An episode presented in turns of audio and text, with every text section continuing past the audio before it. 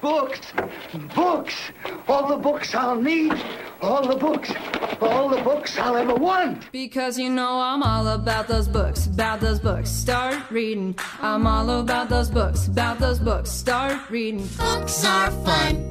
Books are great. Is it book time yet? Oh, I just can't wait to read a book. And the best thing, the very best thing of all, is there's time now.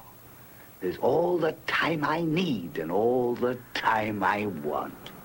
Time, time, time. Ah, there's time enough at last. Witam serdecznie w 46. odcinku podcastu Readers Initiative, podcastu o literaturze wszechtreści. Dzisiaj e, w podcaście jest gość szczególny, którego ja już pragnąłem zaprosić od momentu, kiedy posiadłem jego książkę, zdaje się krótko po premierze. Pan Sławomir e, Malinowski, pan Sławomir W. Malinowski właściwie. Autor Dzień książki, dobry. Autor książki Telewizja Dziewcząt i Chłopców w nawiasie 1957-1993 i podtytuł Historia niczym baśń z innego świata. Ja zobaczyłem tę książkę na, na portalu nostalgia.pl i kiedy tylko zobaczyłem okładkę, natychmiast chciałem ją posiąść, ponieważ e, telewizja, tak jak rozmawialiśmy troszeczkę przed nagraniem, to jest mój konik, tylko telewizja amerykańska, ponieważ współtworzę z Jackiem Rokoszem e, podcast Strefa Mroku, który opowiada o serialu amerykańskim z roku 1959. On wtedy wystartował. Natomiast na polskim rynku brakowało mi takich publikacji. Ja bardzo zawsze zazdroszczę amerykańskim y, czytelnikom, anglo, anglosaskim generalnie czytelnikom, jaką oni mają po, pokaźną bibliografię literatury właśnie związanej, takiej popularno-naukowej powiedziałbym, nie takiej akademickiej, ale takiej literatury związanej z historią telewizji. Tego w Polsce niestety nie uświadczam. No i zapragnąłem to mieć. Dopiero później dowiedziałem się o tym, całym, całej genezie powstania tej książki. Być może pan troszeczkę naszym słuchaczom o sobie opowie może i też o tym, jak powstała ta książka, bo na początku był, zdaje się, serial y, wyprodukowany dla telewizji Planet, tak? Planet Plus. Cała historia rozpoczęła się od tego, że w 2009 roku zrealizowałem dla francuskiej stacji telewizyjnej Planet Plus cykl dziewięciu filmów 50-minutowych o telewizji dziewcząt i chłopców, o najlepszych programach telewizji i ich twórcach. Twórcach to myślę przede wszystkim o Macieju Zimińskim, Michale Sumińskim i chociaż grono twórców było znacznie większe. A te programy, które są pamiętane do dzisiaj to Ekran z Bratkiem, Zwierzy na antenie telewizji polskiej, równo 20 lata prowadził go niezapomniany Michał Sumiński. To również Latający Holender, to Niewidzialna Ręka, to Klub Pancernych, i powstało 9 50-minutowych odcinków. Zebrałem mnóstwo materiałów. Zresztą po emisji tego filmu, tego cyklu, który był przez y, Planet Plus emitowany dwa razy, drugi raz na prośbę widzów y, po roku został powtórzony, otrzymałem bardzo wiele listów. Zresztą ludzie zgłaszają się do mnie do dzisiaj ze swoimi wspomnieniami, dokumentami, zdjęciami, aby to wszystko, co zebrałem i później co zdobyłem, zmarnowało się. Zwłaszcza, że wiele osób, spotkałem się z żadną negatywną opinią, wspomina te programy bardzo ładnie, pięknie, z wielką miłością o nich opowiadają. To, co ważne jest w życiu, a więc przede wszystkim narzędzia do realizacji własnych marzeń, samospełnienia się, mądrej zabawy, do edukacji przez zabawę, do tego, aby myśleć o innych z empatią, ażeby pomagać słabszym, potrzebującym, schorowanym. No, to przede wszystkim była domena niewidzialnej ręki. Mm. Udało się zebrać na tyle pokaźny materiał, się ukazała, zresztą ukazała się po dużym moim skrócie, bo początkowo liczyła prawie 700 stron, ale doszedłem do wniosku, zbyt szczegółowo potraktowałem całą historię, zbyt wiele przykładów dałem. Jest to naprawdę imponujące dzieło. Y, nie jest to, tak jak wspomniałem na początku, y, rzecz z zakresu akademickiego, tak? Bo na takie publikacje trafiałem w języku polskim, czy to dotyczące właśnie filmu rysunkowego w Polsce, czy innego rodzaju specjalistycznych właśnie e, programów. Natomiast to jest coś wyjątkowego pod wieloma względami. Przede wszystkim treść, którą tu pan prezentuje w tej książce, ona ma swój taki urok, bardzo osobisty, urok nacechowany y, przez twórcę, przez, przez właśnie y, osobę gromadzącą właśnie te materiały i później publikującą je w taki, w taki sposób, że jest to bardzo osobiste. To się czyta jak taki swoisty pamiętnik, w którym jest masa odnośników do różnych ludzi, różnych wywiadów i opowieści ludzi, których którzy są już no dzisiaj w wieku moim, w wieku pana, a wtedy byli dziećmi, podobnie jak my i podobnie jak my pamiętali te programy. Natomiast y, dzisiaj pamiętam jak, jak, jak, przez mgłę. Moje takie wspomnienie pierwsze to pora, pora na telesfora, może, y, może y, Piątek z Pankracym, Zwierzeniec oczywiście, latający Holender, tak, prawda, te programy ja pamiętam, natomiast dużo, dużo wcześniej pan sięga do, no powiedziałbym, archeologii wręcz tego, tej telewizji, która skierowana była do najmłodszego odbiorcy. I to jest, i to jest właśnie najciekawsze, ponieważ gdzieś tam te przebłyski mam. Nie jest tak, że mm, te rzeczy, które pan tu opisuje, one zniknęły gdzieś tam w pomroce dziejów, ponieważ raz na jakiś czas gdzieś tam z archiwum telewizji one są wydobywane i podejrzewam, że ja również na którymś etapie mojego życia, nawet małoletniego życia, mogłem się zetknąć z rzeczami, którymi, którymi nie obcowałem w momencie, kiedy one były transmitowane drogą, prawda, y, eteru, drogą, prawda, y, tej nadawania przez te anteny jeszcze telewizyjne, tylko te później w tej redystrybucji czy powtarzaniach tych, tych, tych wszystkich programów. Natomiast pamiętam doskonale Piątek z Pankracy, pamiętam obu panów, y, pana Pankracego, który, którzy zarówno Artura Barcisia, jak i wcześniejszego wybaczy pana, wypadł mi z głowy imię i nazwisko, natomiast pamiętam doskonale i pamiętam te czasy. Zygmunt Kęstowicz. Właśnie. To trudniejsze troszeczkę nazwisko do zapamiętania.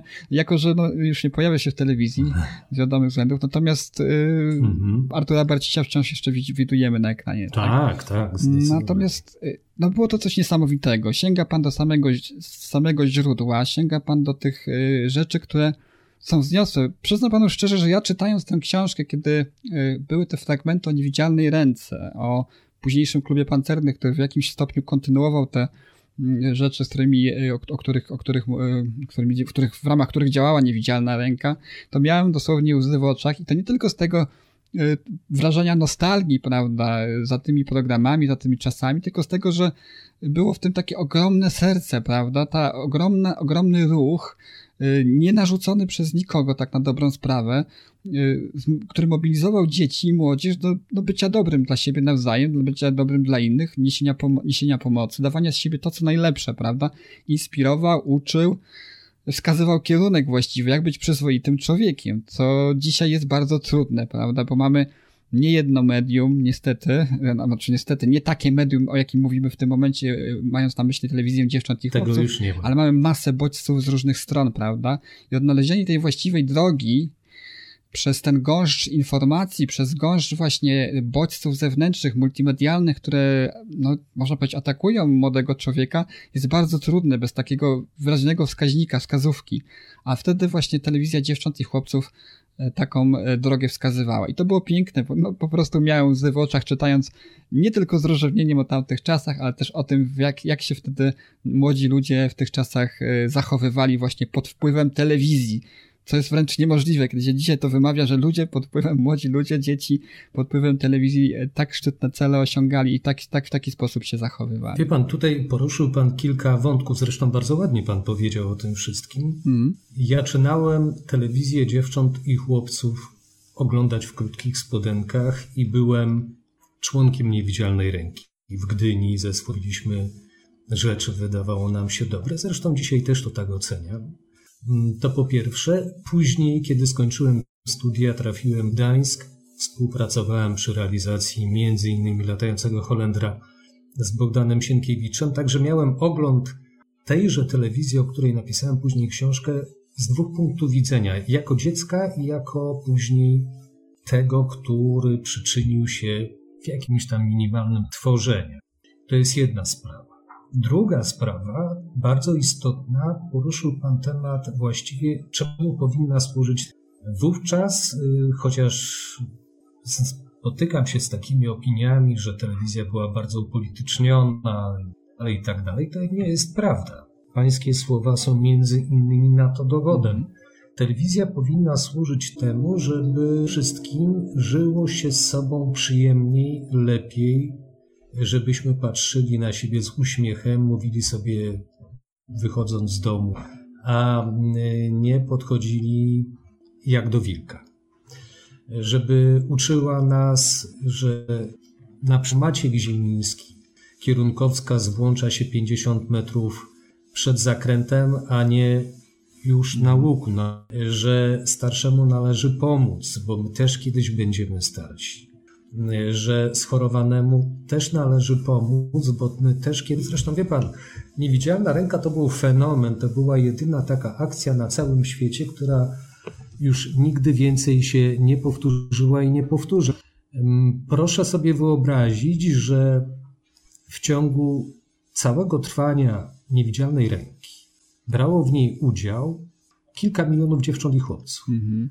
którzy wykonywali codziennie kilkadziesiąt, kilkaset. W ciągu całego trwania niewidzialnej ręki takich dobrych uczynków mogło być minimum 10 milionów, bo byli tylko ci, którzy zostali zarejestrowani przez sztab niewidzialnej ręki, ale było też wielu takich, którzy się nie rejestrowali jako niewidzialna ręka, bo im to po prostu sprawiało przyjemność. Mhm.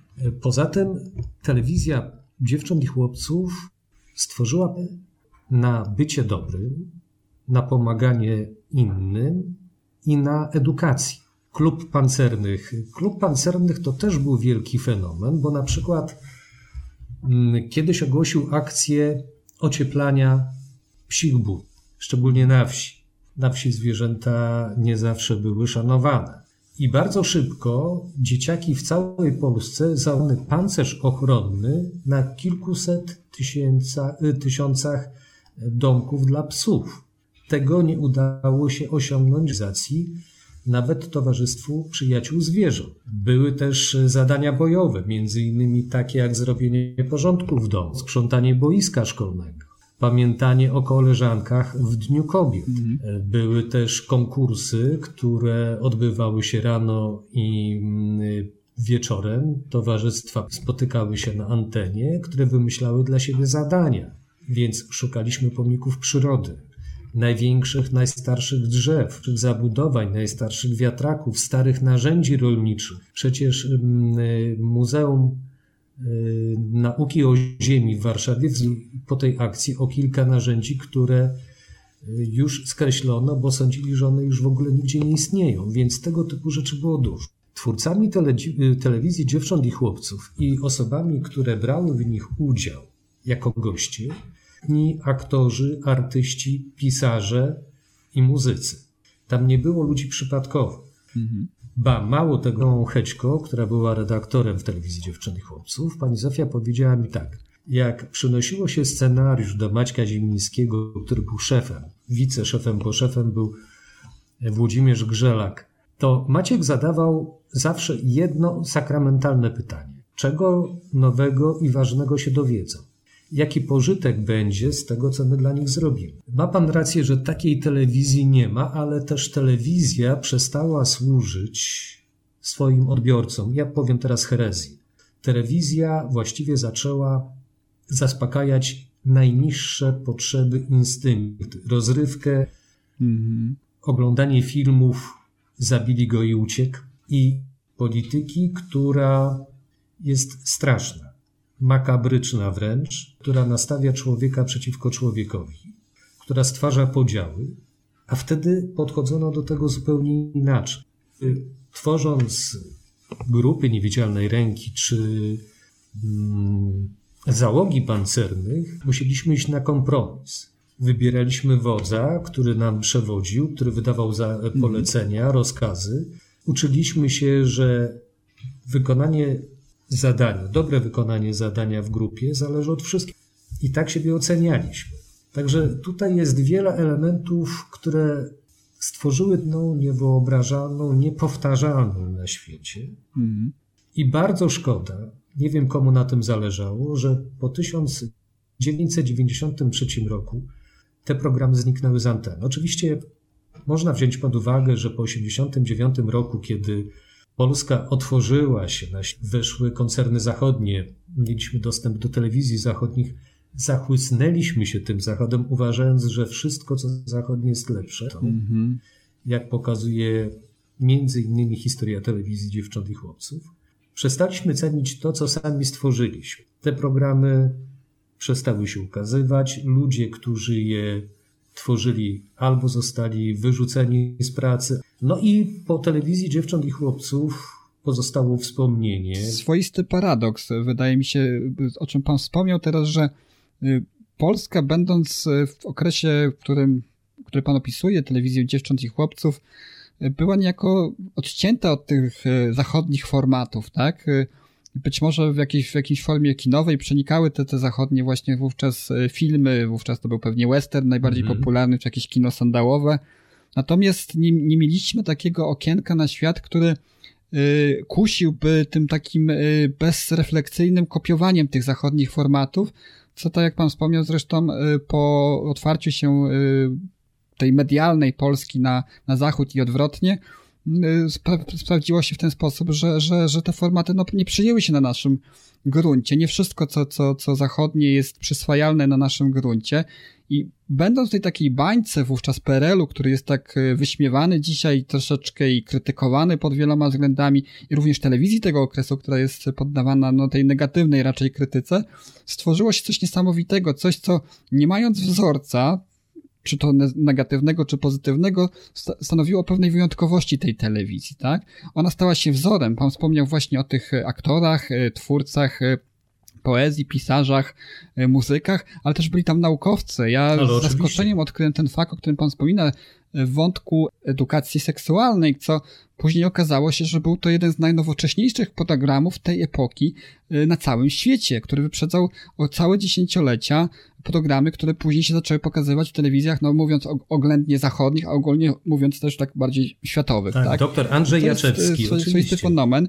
Niedawno rozmawiając właśnie ze znajomymi, rozmawiałem o, o, o programie Sonda, która też y, oczywiście miała dostęp do zachodnich informacji, ponieważ był to program popularno-naukowy i oni musieli być na bieżąco z pewnymi nowinkami technicznymi, natomiast również nie kopiowali żadnego konkretnego wzorcu czy modelu programu zachodnio, zachodniego czy, czy amerykańskiego popularno-naukowego, tylko stworzyli stworzyć coś y, wyjątkowego na polskim gruncie, prawda? I tutaj jest podobna właśnie, y, jest analogia właśnie telewizji dziewcząt i chłopców. Powiem tak, y, telewizja tamta mm, do 89 roku pod każdym względem, każdym względem była lepsza od dzisiejszej. Powiem coś, o czym pan może nie pamiętać, a inni zapomnieli.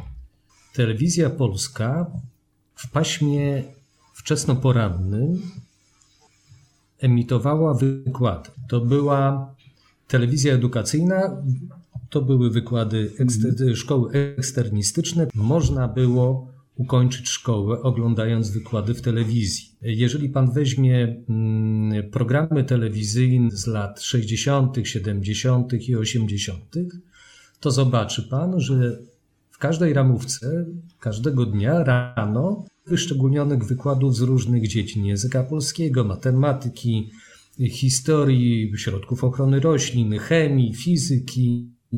To była jedna z największych na świecie właśnie w PRL-u, żeby ludzie, którzy nie zawsze mogli dojeżdżać do szkoły, bo pracowali na polu, bo e, wymagały dużo czasu i pracy, mogli tę szkołę skończyć. I kończyli. I to była jedna rzecz. Wówczas w telewizji polskiej istniało bardzo dużo programów popularno-naukowych.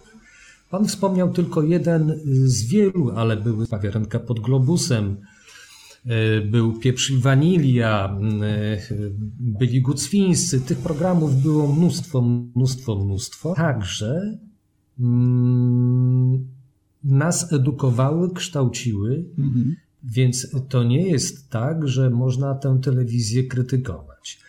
Oczywiście były programy polityczne, były informacje polityczne, w programach informacyjnych przede wszystkim, w jakichś tam wydarzeniach partyjnych, nie dominowały.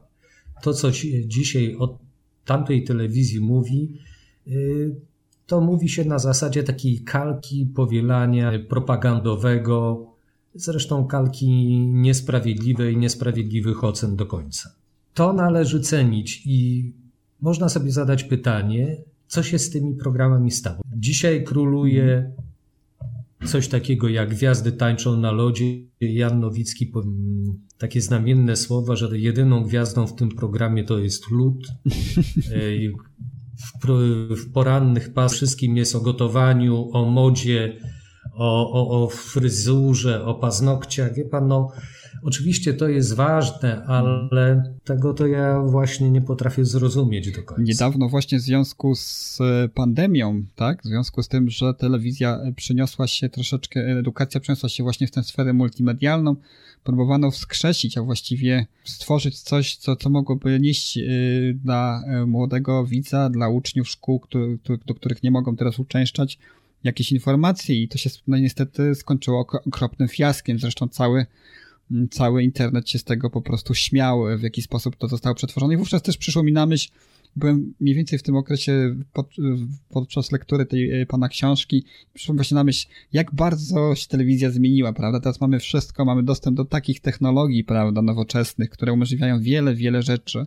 Zaprzęgnięcie tych technologii właśnie w myśl takich idei, jakie przyświecały twórcom oryginalnej telewizji Dziewcząt i Chłopców, no byłoby czymś, czymś wspaniałym, czymś, co mogłoby zaowocować czymś, czymś naprawdę pięknym, i po raz kolejny nietuzinkowym. Natomiast no, skończyło się to jak skończyło. I, i to porównanie y, dzisiejszych czasów, kiedy wszystko w zasadzie jest w zasięgu ręki osób, które by chciały stworzyć coś fajnego, z, z, ludźmi, którzy naprawdę stawiali kroki pionierskie, można by było rzecz tak ująć, przecież e, borykający się z różnymi problemami, ograniczeniami technicznymi. Wiadomo, jaka była telewizja na początku swojego istnienia, u zarania. No to było no, ponad pół wieku temu. Też zadaję sobie to samo pytanie, co się, co się stało? Co się stało? Co się stało właśnie? Jedna rzecz podstawowa się stała. Myśmy się zmienili. Ta cała technologia, która zawładnęła naszym życiem, z nas ludzi leniwych, którzy wszystko mają podane na talerzu, E, którzy nie muszą myśleć. Jedyne, co muszą potrafić, to kliknąć, nacisnąć Enter i przeczytać. Zresztą efektem tego jest fakt pojawienia się zjawiska wtórnego analfabetyzmu. Nawet y, ludzie z wyższym wykształceniem nie potrafią analizować, wyciągać wniosków, ba około 40% nie rozumie tego, co czyta nie potrafi wykorzystać informacji, które przeczytało, bo ich nie rozumie. I to jest jedna rzecz. Pan powiedział tam jeszcze istotną kwestię. Aha, właśnie. Y, co się stało? Wie pan, te wykłady, zajęcia szkolne, to wszystko musi być robione z głową. To my z otoczeniem. Tak wtedy robiono.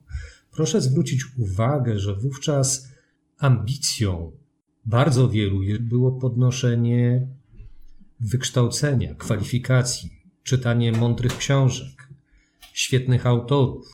Pamiętam prywatki, na których żeśmy rozmawiali o ostatnio wydanych książkach, książkach. Ba, mało tego, na podwórku, jeszcze jako dzieci, mieliśmy giełdę i przekazywaliśmy sobie, kto przeczytał ostatnio wydanego Tomka, więc to się wszystko rozchodziło. Proszę zwrócić uwagę, ilu czyta.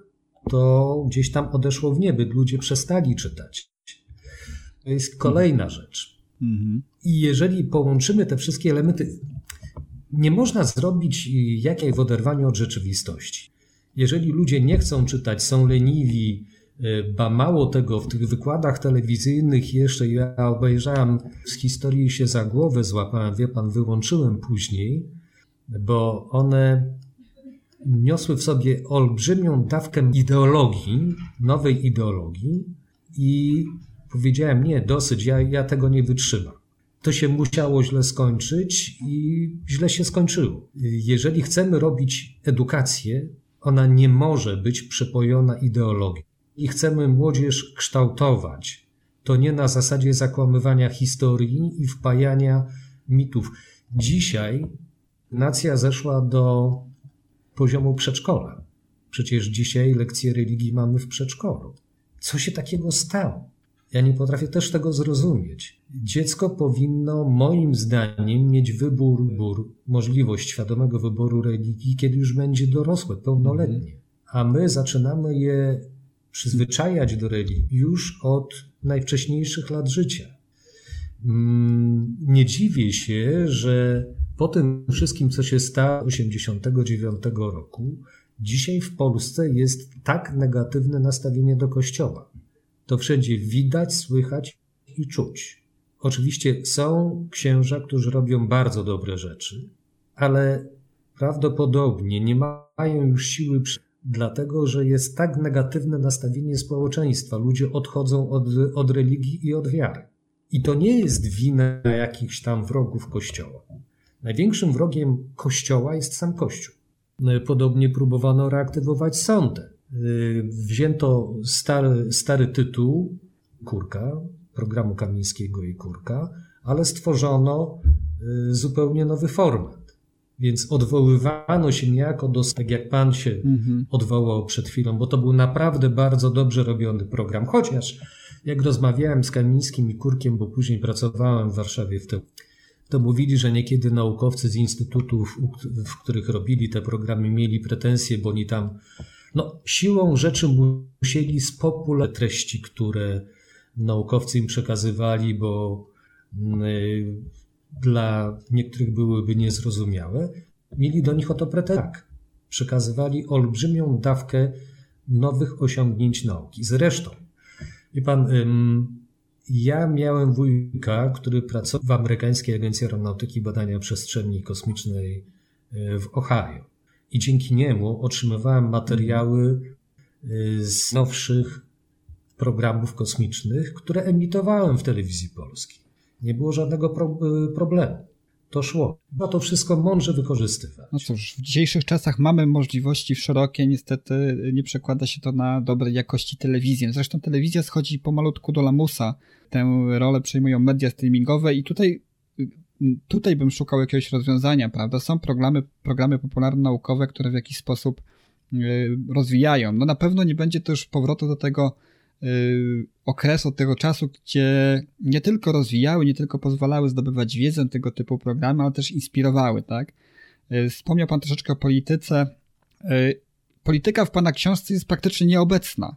I ja się zastanawiam, czy to naprawdę tak było, że mm, te kwestie, mhm. które tam pan porusza... W telewizji dziewcząt i chłopców praktycznie nie mhm. było polityki. No nie było polityki. No, dlatego jej nie ma. Tak, dzisiaj na przykład serial Czterej Pancerni i Pies jest poddawany pewnej cezurze i, i ta cezura historyczna, weryfikacji historycznej, ona ma pewne podstawy, prawda? I to dość solidne podstawy. Natomiast w samym klubie pancernych to nie miało tak naprawdę znaczenia w klubie pancernych liczyło się właśnie to, co propagowała innymi niewidzialna ręka, czyli, czyli ten, yy, te dobre wartości, prawda, które gdzieś funkcjonować mogą. Okazuje się, że mogły funkcjonować te wartości w oderwaniu od y, atmosfery politycznej.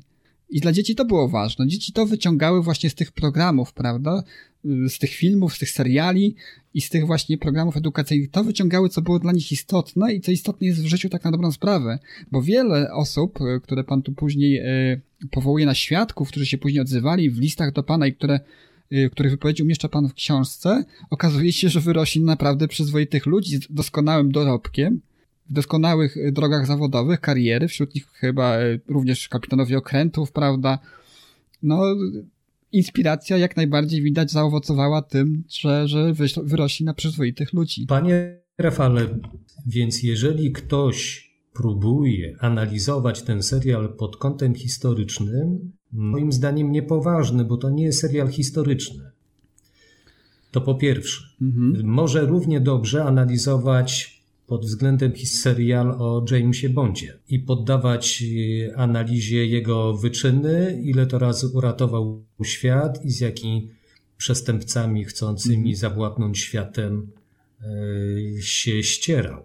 Wartość Czterech Pancernych i Psa, mówię o serialu Nałęckiego, polegała na tym, że pokazywał on najważniejsze wartości, czyli pierwsza przyjaźń, pierwsze solidarne zachowania, poświęcenia, wspólna walka, to wszystko tam odgrywało rolę. My żeśmy się z nimi utożsamiali. Wie pan, najlepszym dowodem na to wszystko jest fakt, że ten serial powtarzany do dzisiaj bije rekordy popularności właśnie dlatego, że przekazuje te wartości. Bo to nie jest serial naukowy, to jest serial dla młodzieży, dla dzieci, właśnie takie wartości, a jednocześnie pokazywać walkę o wyzwolenie Polski. Ci chłopcy, którzy grali w tym serialu w, w załogę Rudego, byli tylko no przede wszystkim Janek Kos. Także my żeśmy się z nimi utożsamiali i w tym kryje się mm. największa Pan co, wrócimy jeszcze do książki troszeczkę. Y, ja oczywiście ją rekomenduję. Ona w tej chwili jest y, do nabycia tylko w formie papierowej. To pytanie do Pana, może takie techniczne troszeczkę, a które z pewnością... Nie, nie tylko. Nie tak, tylko. już weszła w e-booku? Tak, tak, tak. W e-booku, dwa urządzenia. Tak, można dostać wersji elektronicznej również. Jest. A to ciekawe, bo kiedy ja, ja, ja ją kupowałem w, w wersji papierowej, jeszcze, te, jeszcze nie było wówczas, e, nie wiem czy były plany, ale nie było tak. jeszcze wtedy dostępnej w formie. To będzie naprawdę ciekawa wiadomość dla wszystkich słuchaczy naszego podcastu, ponieważ wśród naszych odbiorców mamy e, grupę taką, która korzysta z czytników, korzysta właśnie z urządzeń e, do czytania książek właśnie w formie elektronicznej. Także to jest wspaniała wiadomość. Jest, jest, jest na czytniki ja, na Ja oczywiście tak. rekomenduję tę książkę w formie fizycznej, chociaż też jestem wielbicielem książek w formie elektronicznej i bardzo często z nich korzystam. Natomiast w formie fizycznej ona jest pięknie wydana, przede wszystkim z masą ilustracji, y, tutaj, y, które pan zebrał do swojego archiwum w trakcie tworzenia tej książki. No, y, ja czytając ją czułem takie pełne doświadczenie tego, y, takiego powiedzmy przeniesienia w czasie, dzięki temu, że, że ona jest tak kompletna, ta książka. Także mimo wszystko rekomenduję ją w wersji papierowej, można ją nabyć, jeszcze jest dostępna. Natomiast dobra wiadomość jest też taka, że również czytelnicy z zagranicy, którzy mają kłopoty ze zdobyciem jej z różnych powodów, mogą ją kupić w wersji wersji elektronicznej. A teraz jeszcze pytanie do Pana, bo ja przeczytawszy tę książkę poczułem apetyt na więcej. I się zastanawiam teraz, czy będzie Pan w jakiś sposób kontynuował, czy, czy jest Pan, planuje Pan napisanie książki, która właśnie by rozszerzyła ją o y, zakres y, informacji o telewizji z tego okresu lub zbliżonym okresie, ale troszeczkę szerzej. Nie tylko telewizji dziewcząt i chłopców, ale tak dzisiaj napomknęliśmy troszeczkę o sądzie, o innych programach popularno-naukowych. Pan zapytał, czy pamiętam. Tak, ja pamiętam telewizję edukacyjną. Yy, pamiętam te, te, te, te programy, między innymi Pi Sigma, chociażby z Mat Planety, Przybysze. Fantastyczna forma przy przyswajania wiedzy matematycznej, chociaż ja jestem bardzo humanistyczny tak. z matematyką, nie jestem za pan brat, to jednak zawsze śledziłem przygody tych, tych dwóch postaci. Więc pytanie, czy, czy zamierza pan wydać coś jeszcze? Bo ja jako czytelnik, myślę, że mogę być głosem wszystkich czytelników pana książki, chciałbym więcej. Na razie, jeżeli chodzi o telewizję, nie planuję wydania kolejnej książki, ale pracą o świecie młodych.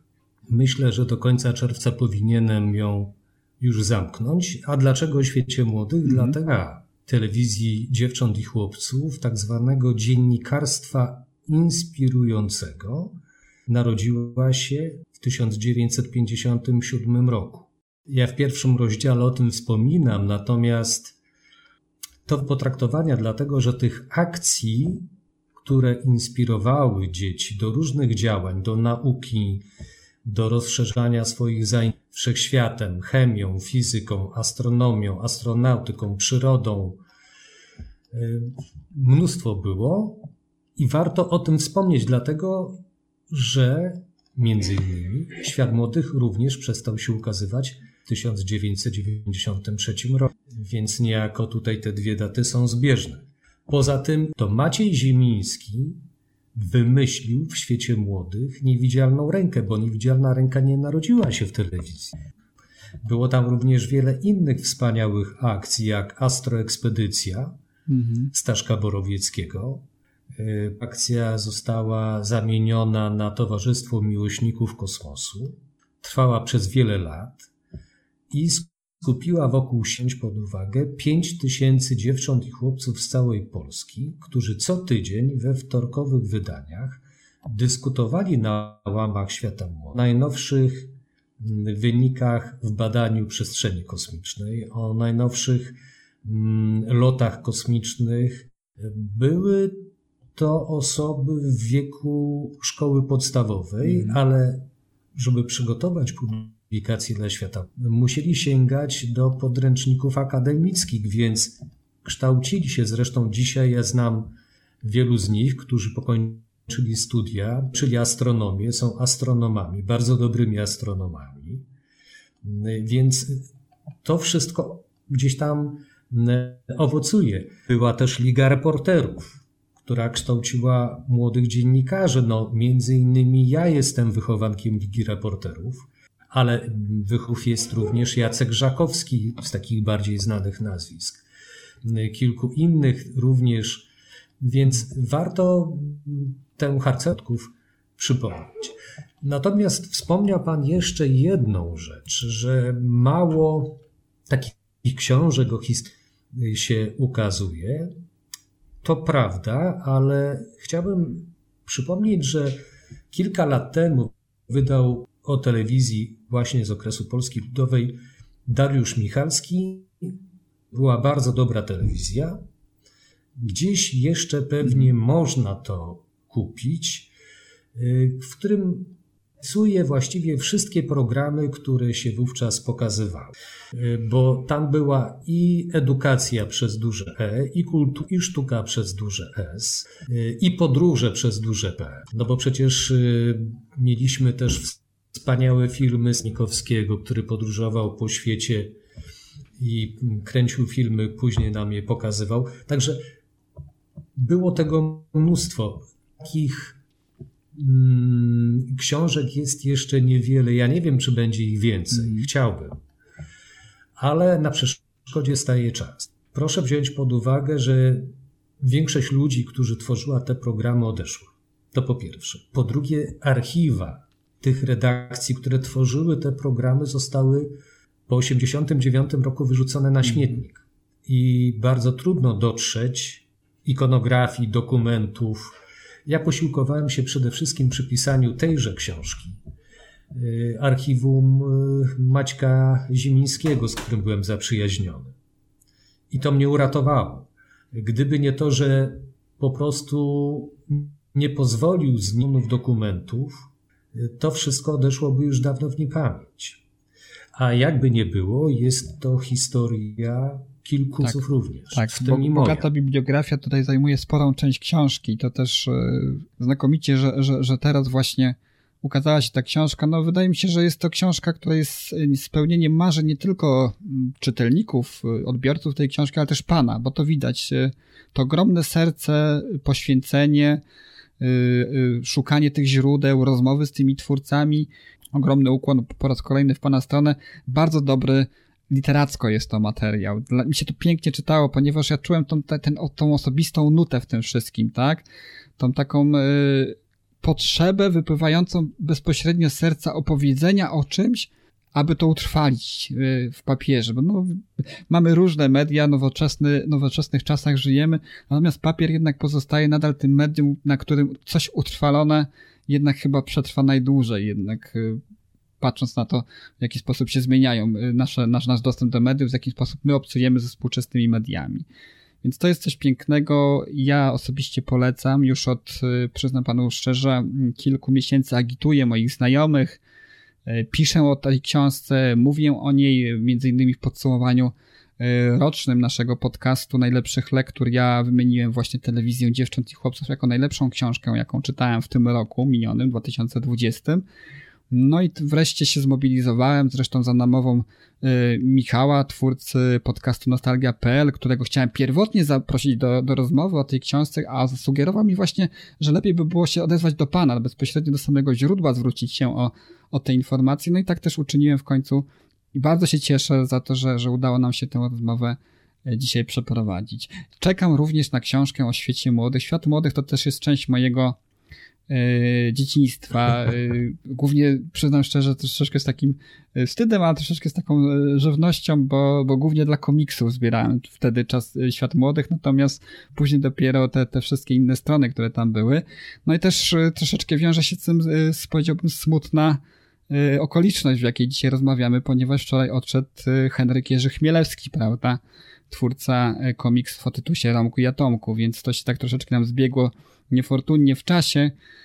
E, no przykra, przykra rzecz, ale też, też jakoś się ze światem młodym wiąże i pewnie, pewnie też e, będzie pan miał mm, ten wątek do opowiedzenia w swojej książce dotyczący właśnie jego współpracy ze światem młodych, czy światem przygód, jak to, jak to się na początku nazywało, prawda? Mm, no tak, no Papcio jest trzecim twórcą komiksów, który ostatnio na pierwszym był Janusz Christa, który mhm. rysował Kajtka i Koka, a w Wieczorze Wybrzeża, Wybrzeża a Kajka i Kokosza, Mirmiłowo i tak dalej, i tak dalej. Później odeszła od nas Charlotta Paweł yy, z Koka Kleksa, mhm.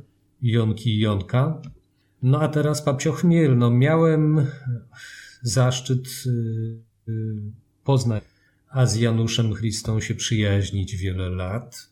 No ale całe szczęście jest jeszcze Tadziu Baranowski. Bardzo się z tego cieszę. Mm -hmm. Niedawno odszedł Bogdan Butenko, który przecież też rysował w świecie młodych. Ja nawet nie wiem, jej rysował komiksy od Papcia Chmiela, to muszę sprawdzić. To były takie trzy obrazkowe, krótkie historyjki. E, o ten, co zrobiłem film, zresztą jak o Tadziu Baranowskim i o Januszu Chryście. O Papciu Chmielu zrobił kolega film mhm. Petro Aleksowski, pierwszym telewizji polskiej był emitowany. I, I dobrze. Y, no, to są ludzie, którzy nas kształtowali. Mieliśmy takie bajkowe dzieciństwo. Ale bardzo dziękuję Michałowi Culkowi za, za, za rekomendację. Ja podziwiam, bardzo lubię tam zaglądać. A sam fakt, ilu ma gości, ile osób się wypowiada, świadczy o tym, jak wielkim mhm. sentymentem są darzone te wszystkie programy, te audycje telewizyjne, te dobranocki, ci aktorzy, którzy w nich występowali. To jest coś nieprawdopodobnego. I to nie tylko wypływa z tego, że, że to jest taki sentyment za dzieciństwem, za młodością. Nie. Po prostu dlatego, że dzisiaj na tym firmamencie mediów, które cechuje przede wszystkim taka byle jakość, oni za, za modą, za pieniądzem, za upodobaniami politycznymi mm, niosły dla nas wielkie wartości, bo w życiu jednak te, te wartości są najważniejsze. Może czasami się do nich nie przyznajemy. Jest to naprawdę wspaniały świat, do którego zachęcamy do powrotu wszystkich, y, i starych, i młodych, chociaż pewnie y, no, bardziej osób w naszym wieku, które odkryją troszeczkę inny świat albo wrócą do niego na, na kilka chwil.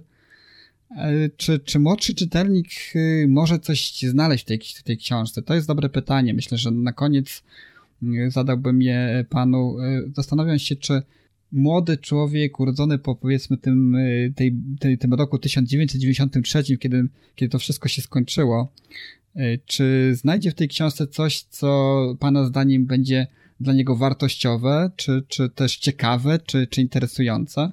Wie pan, panie Rafale, to wszystko zależy od tego, jakie ten młody człowiek wyniósł wychowanie z domu. Jeżeli w domu mówiono nie przemęczaj się, tobie się należy, jesteś wtedy ważną osobą, to tam dla siebie niczego ważnego nie znajdzie. Natomiast jeżeli były przekazywane mu pewne wartości, to z pewnością tak. Zresztą, jak pan zauważył na końcu książki, ja zamieściłem trzy recenzje. Tych recenzji łącznie pokazało się osiem lub dziewięć mhm. Y, naukowców z różnych uczelni. Większość z nich przyznała otwarcie, że jest to najważniejsza książka pedagogiczna o dziwo, więc y, Polecam tę książkę może również nauczycielom, wychowawcom. Mają podane gotowe przykłady. Nie muszą wyszukiwać żadnych nowych rzeczy. Tylko trzeba je mądrze zaadoptować do obecnej to rzeczywistości. Prawda. Wydaje mi się, że tym e, akcentem zakończymy naszą dzisiejszą rozmowę. Ja chciałem jeszcze raz e, bardzo serdecznie podziękować panu. Nasz, moim gościem był e, Sławomir Wumalinowski, twórca książki telewizja dziewcząt i chłopców. E, Bez W już. Bez W, dobrze. Bez W. Historia niczym baś innego świata. Tak, tak. Ten tytuł, e, wydaje, ten podtytuł wydaje mi się, że jest takim najlepszym motto, które, które pozwoli wam zrozumieć tak na dobrą sprawę, jeszcze zanim otworzycie okładkę, zanim zajrzycie do środka, zrozumieć to, czym, z czym będziecie mieli do czynienia. Tak było w moim przypadku. W moim przypadku zaczęło się od okładki, która przyciągnęła moją uwagę i stwierdziłem po niej, po zobaczeniu jej wraz z tym opisem, y, że chcę tę książkę mieć, chcę ją przeczytać, muszę ją po prostu przeczytać. I myślę, że dla większości z Was będzie to taka sama przygoda. Wielka, ogromna, nostalgiczna podróż do świata, którego już nie ma niestety. Dziękuję. Dziękuję również i do usłyszenia. There's so many books to choose. Get on board, you just can't lose. Books expand your mind, it's true. Reading books is good for you. I love reading. Oh, I'm check it in, check it out. Gonna say hi to the dictionary, picking out a book, check it in, check it out. I'm going down to the library.